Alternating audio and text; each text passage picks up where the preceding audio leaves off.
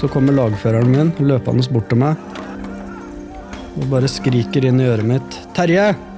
Jeg har skutt og drept to personer. Ja, det er mottatt, sier jeg. Våre historier, en podkastserie fra Forsvaret.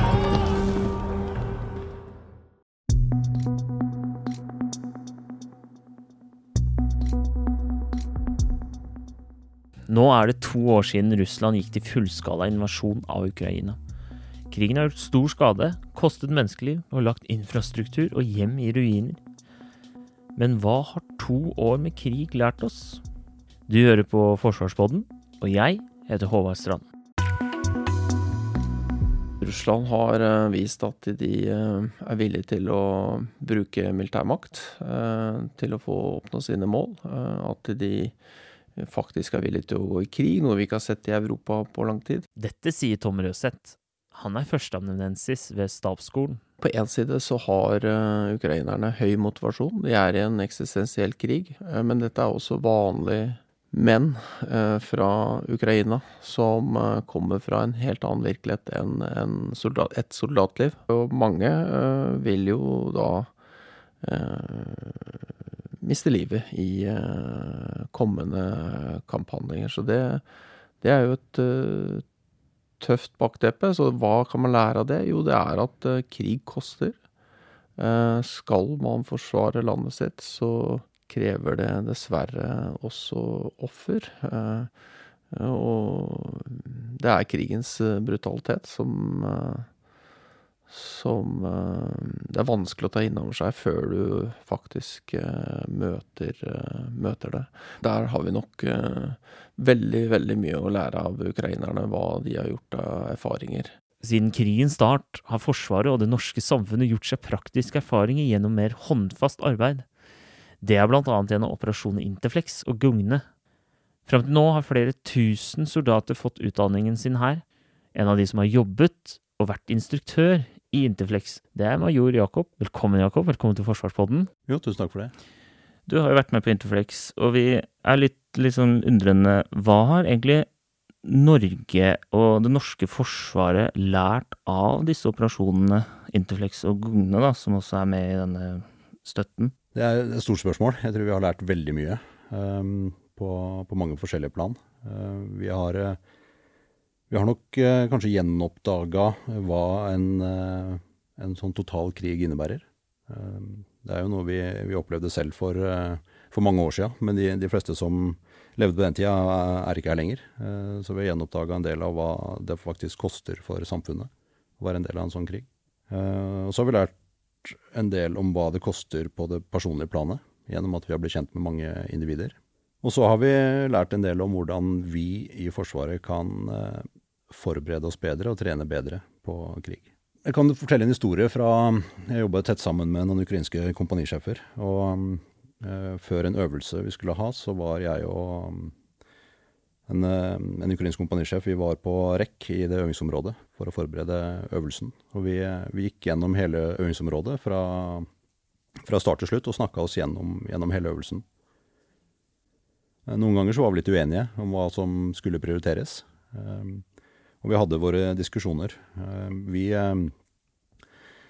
vi eh, norske og instruktørene mine var veldig opptatt av å lære dem eh, teknikker og prosedyrer og, og gjøre dem best mulig soldater. Mens ukrainske, det ukrainske lederskapet de var mer opptatt av de mentale forberedelsene på krig. Og forberede soldatene på det, det, sjokket de kommer til å møte når de, når de går i krig. Og under en av de diskusjonene så, så stoppa han opp. Så, så, legger han hånda på skulderen min. så ser han meg ganske sånn intenst inn i øynene. Og så sier han at uh, du må huske på det, Jakob, at vi, vi, gjennomfører ikke den øvelsen her for å gjøre dem bedre forberedt til neste øvelse. Vi skal forberede disse soldatene på krigen. Og Det er jo ikke et uh, tankekors med, med, hva vi gjør her hjemme, for vi, vi, er veldig opptatt av å bli spesialister på den minste lille ting. Um, og, og, nå et øvingsmål fordi at vi skal kunne komme lenger på neste øvelse. Men jeg har kanskje glemt glemt noe av hva er det som faktisk kreves av mennesket i krigen. Du har jo vært uh, kompanisjef, og du har jo vært i England. Hva har du erfart med tanke på vennskap og liksom Du har jo jobba tett på disse ukrainske soldatene. Ja, det, det, er et, eh, det er en ting vi har snakka mye om før vi dro, og underveis. Eh, fordi det er, eh, det er umulig å ikke skape en relasjon til mennesker som man jobber så tett sammen og så intenst sammen over tid. Selv om den perioden vi har, vi har 200 ukrainere inne, inne samtidig til, en, til, det norske kompaniet som vi trener opp for en relativt kort periode. Men det er, eh, det er, lange dager, det er intense dager, det er øvelser, og vi er sammen med dem hele tiden. Eh, så vi blir veldig godt kjent, selv om det er veldig kort tid. Eh, og jeg tror den, den siste dagen, den dagen de, de, skal reise tilbake til Ukraina, er en dag som illustrerer det veldig godt, den relasjonen som skapes. Når de er vaska seg ut av kaserna, pakka tingene sine og er klare til å reise, så møtes vi i en, eh, en gammel kinosal i, en, eh, i den uh, britiske leiren hvor vi har, har trent, for å, å, ta farvel. Og det, det, starter litt sånn formelt med at den ukrainske kompanisjefen sier noen ord og takker, takker, oss for den jobben vi har gjort. Og, og, jeg takker dem for den innsatsen de har lagt ned under treninga. men først og fremst den innsatsen de skal til å gjøre. Eh, og jeg takker de for at de er eh, Europas skjold mot Russland. Um, når det er ferdig, så flokker ukrainerne seg rundt oss, og de har med seg ukrainske flagg og andre effekter som de vil at vi skal signere. Um, og det er litt sånn rart, fordi da får vi en følelse at de mener at det er vi som er heltene i rommet. Mens vi sitter jo med en helt annen følelse. Heltene er de som skal sette seg på bussen litt seinere. Og et par timer etterpå så går de om bord fordelt på fire busser.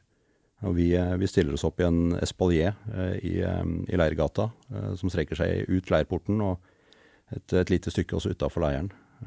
Og vi står der og, og hilser når bussene kjører forbi. Og det er, det er en ganske emosjonell dag. Det er mye, mye følelser. Og det kommer, noen, det kommer noen tårer, og det kommer noen, en klump i halsen, for vi vet jo veldig godt hva de er på vei til. Um, og idet jeg ser de bussene forsvinne ehm, over en bakketopp, så, uh, så kommer jo tankene. Er, vi, er de klare til det her? Har vi forberedt dem godt nok? Og har vi lært dem alt vi kan? Um, så det er en veldig emosjonell dag for, uh, for mange. Um, og så er det, er det også vanskelig fordi at den relasjonen som vi har bygd opp i løpet av de 35 dagene, den, den slutter den dagen. Det er noe vi har vært veldig tydelige på med, med hele kompaniet fra, fra, start. At uh, ja, vi kommer til å få en tett relasjon. Vi kommer til å bli venner. Uh, I løpet av tida så snakker vi om alt fra de store spørsmålene om krigen til uh, de nære ting om, om, barn og familie og framtida. Så vi blir veldig godt kjent. Men den dagen så er den relasjonen ferdig. og det også er vanskelig for, for mange. Men hva lærer vi da av en sånn situasjon? Jeg tror vi har lært veldig mye om hva det faktisk koster Eh, på det personlige plan for de som, eh, som er involvert i det. Og et eh, eksempel med en soldat vi hadde, han, han var litt sånn rocketype da han kom til oss. Langt hår og for å være ærlig så ikke ut som en typisk soldat. Men han var, han var supermotivert, kjempeflink og hadde gode lederegenskaper, så han ble raskt plukka ut til å være lagfører. Og fikk, endte med at han fikk en utmerkelse som beste elev på, på det kurset. Men han hadde vært eh, pasifist bare noen eh, måneder tidligere. Eh, men selv om han var pasifist, så ville han bidra for landet sitt. Altså han, eh, sammen med noen andre starta en frivillig organisasjon som jobba med å evakuere såra soldater fra fronten. Eh, så fortalte han meg om den dagen det endra seg, den siste dagen han var pasifist. Da hadde han, eh, noen andre fra gruppa, vært ute og og prøvde å evakuere flere såra, men hadde, de hadde ikke greid det. Det hadde vært en dag med Det hadde regna mye, det var vått og gjørmete vanskelig å komme fram. Eh, så de måtte dra tilbake igjen til De holdt til et eh, hus da hvor den gruppa holdt til for å hvile for å fortsette neste dag. Eh, da han kom tilbake dit, så forteller han at det, det huset det hadde blitt truffet av et russisk missil. Og av en gruppe på noen og tjue så var, var nesten halvparten blitt drept i det, det angrepet. Så da, da, fortalte han at den dagen så bestemte han seg for at det, det nytter ikke å, å, være pasifist når det står om framtida til, til, landet mitt. Så jeg er nødt til å være med og slåss, jeg også. Og da hadde han dratt og, og verva seg. Um, en annen historie var fra en dame som, som, var der, og hun var ofte ukonsentrert og forstyrra undervisninga og, og, var et sånn uromoment, egentlig. Um, så jeg fant at jeg måtte ta en prat med hun, for hun, hun hadde mye kunnskap og kompetanse som hun ofte bidro med. Da. Uh, så jeg tok med kompanisjefen, han var veldig god i engelsk, så jeg brukte han som tolk. Uh, og hun fortalte da hvorfor hun syntes det var vanskelig å konsentrere seg noen ganger. Da krigen starta i 2014, så um, blei eh, begge foreldrene hennes eh, drept. Hun ville stå opp mot, eh, mot okkupasjonsmakten, så hun ble partisaner og, og motstandskvinne. Hun hadde en mann og, og, barn, men de kunne hun ikke ha noe forbindelse med, fordi det ville være farlig for de. Da, da den fullskala invasjonen starta for to år siden, så Eh, dro hun eh, vestover og verva seg til, til Hæren. Og familien hennes eh, vet hun ikke om lever. Det er en forklaring på hvordan, hvorfor hun slet da, med å holde konsentrasjonen oppe. Disse historiene da, som vi møter når vi blir så godt kjent med ukrainerne, de minner oss jo på hva det faktisk koster for samfunnet å, å være i krig. Um, og Vi som har valgt en karriere i Forsvaret, vi har jo reflektert over det her. At i ytterste konsekvens så er det kostnaden. Um, men allikevel så har det virka så fjernt. Eh, fordi at krig i Europa har fremstått eh, så usannsynlig i så mange år. Men resten av samfunnet, da? Har vi lært noe av Interflex og gungene? Ja, i, i, overført betydning så har vi jo det. Uh, I Interflex så snakker vi jo mye med, med, de ukrainske soldatene vi jobber med, og vi får jo høre historiene fra, fra Ukraina. Hva er det familiene deres gjør? og det er helt tydelig at det er ikke bare en soldatjobb når landet er i en eh, total krig. Det er eh, Hele samfunnet bidrar. Han ene ukrainske komponisjefen jeg jobba med, han hadde en gravid kone og, og en datter i Mykolaiv. Um, den ene morgenen så, så, så jeg en rapport om at det hadde vært et, et missilangrep mot, uh, mot, den byen hvor familien hans bodde. Um, da jeg møtte han på morgenen, så spurte jeg om uh, hvordan står det til med familien. nei, det går bra, svarer han. Så jeg ja, men eh, jeg, jeg, leste jo at det var et missilangrep i, i Mykolajev i, i, natt. Ja, det, det, stemmer det, og de, de, har vært våkne og vært redde hele natta. Men, eh, men, de har en oppgave, de også, om å holde samfunnet Ukraina i gang. Så det Kona må på jobb, og, og, og, samfunnet må gå videre for å holde, holde, hele samfunnet i gang. For hvis det stopper opp, så vil mye av, av backinga til den ukrainske hæren også stoppe. Men de soldatene dere trener opp, hvor gamle er de? Der hadde vi hele aldersspennet, fra, fra 18 til over 50. Eh, men har vi lært noe av det? Aldersspennet? Ja, det vil jeg si. Vi, eh, vi erfarte jo at de forskjellige aldersgruppene kom inn i treninga med forskjellige forutsetninger. Eh, de som var eldre, hadde ofte en, en dårligere fysisk form. De, eh, men samtidig så var de hardføre, og vi så at de, de var vant til å, til å arbeide hardt. Og, og, mange av de hadde også militær erfaring fra tidligere. Mens de, de yngre, som, som, også ofte kom fra de mer urbane strøkene i Ukraina, var nok ikke like hardføre, men de, var, eh, de hadde en bedre fysisk form og, og, og, var mer motivert for læring. Så vi var veldig eh, nysgjerrig på hvordan det kom til seg utslag i hvor langt vi kom til å komme kom vi lenger med den ene eller den andre gruppa. Eh, det vi erfarte, som, eh, som jeg syns var veldig interessant, er at vi, vi, kom egentlig like langt med begge gruppene. Både de, de yngre med lite erfaring, men som hadde bedre kondis, og de eldre som ikke var like fysisk kapable, men, men hadde en livserfaring og en, og en hardførhet som gjorde at resultatet ble egentlig det samme. Og det det gir jo grunn til optimisme, tenker jeg, hvis vi eh, blir nødt til å mobilisere i, i Norge og skal trene opp flere soldater. At uh, om, om, du er uh, 18 år og, og, og, god i idrett, eller om du er 50 år og, og, har livserfaring, så er det forskjellig utgangspunkt, men resultatet kan likevel bli det samme. Og vi kan skape gode soldater av, av begge kategoriene på, på relativt kort tid.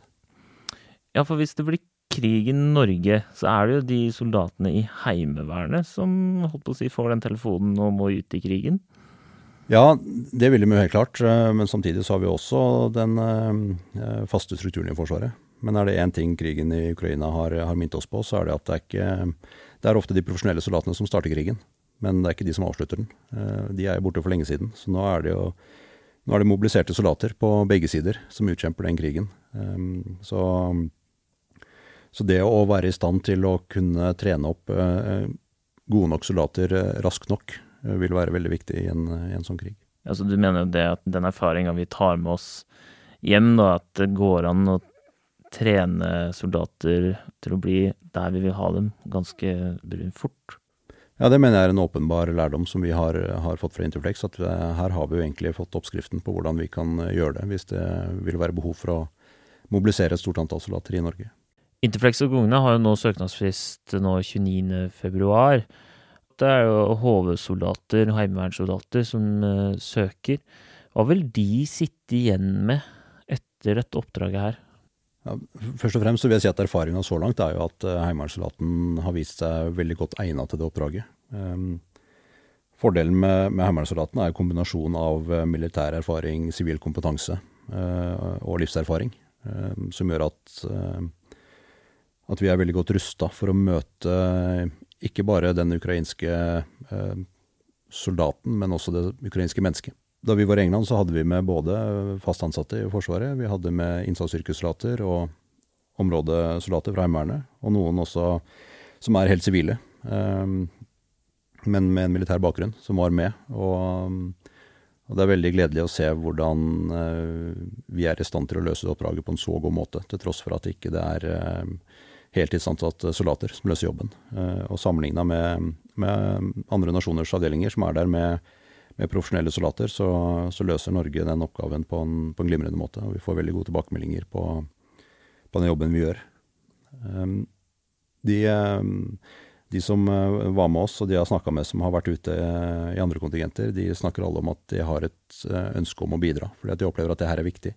De har lyst til å, å, å aktivt støtte Ukraina i, i krigen. og det tror jeg er en veldig sunn indre motivasjon å ha med seg. Um, og så kommer du hjem igjen med en helt unik erfaring som du ikke får noen andre steder. Det å jobbe så tett på mennesker som er forberedt på å, å dra ut i en sånn type krig, det, det gjør noe med det. Og det, det er noe du, du, vokser på som menneske, og, og, erfaringer du vil ha med deg resten av livet. Uh, I tillegg så vil man jo få en veldig god militær erfaring. Uh, det å jobbe tre måneder, lange dager eh, fra, fra, morgen til kveld med, med, det militære håndverket og med andre mennesker, det, det gir, gir, mye tilbake igjen, som, eh, som, også Heimevernet og Forsvaret i Norge nyter godt av etterpå. De soldatene nå som sitter eh, hjemme og vurderer å søke, hva, kort, hva vil du si til dem for at de skal ta den terskelen og søke? Søk. Jeg, vet det er mange eh, som har både søkt og ikke søkt tidligere, som har tenkt og, og, lurt på om er jeg god nok til det her. Uh, har jeg noe å bidra med? Uh, er jeg flink nok til å bidra til å løse det her oppdraget? Og det, det, er jo først og fremst ikke, den, det er ikke søkeren sitt ansvar å vurdere det. det er jo vårt ansvar som, som plukker ut og, og tilbyr, tilbyr, dem å bli med. Det er vårt ansvar å, å, å ta den vurderinga på om du er god nok. Og det, det, jeg erfarte i England, var at de vi hadde med oss, alle hadde noe å bidra med. Og det var, eh, det var selvfølgelig forskjellige ferdigheter og forskjellig eh, kunnskapsnivå hos de enkelte. Men det er, eh, det er, mange oppgaver som skal løses, og det er Vi har behov for alle typer mennesker innenfor både forskjellige fagfelt og forskjellige kompetanseområder. Så er man i, i tvil på om man selv er god nok, så ikke la det komme i veien for å søke.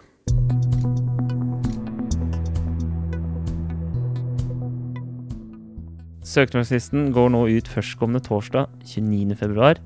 Og vil du vite mer, så går du inn på forsvaret.no. Du har hørt på Forsvarspodden, en nyhetspodkast fra Forsvaret.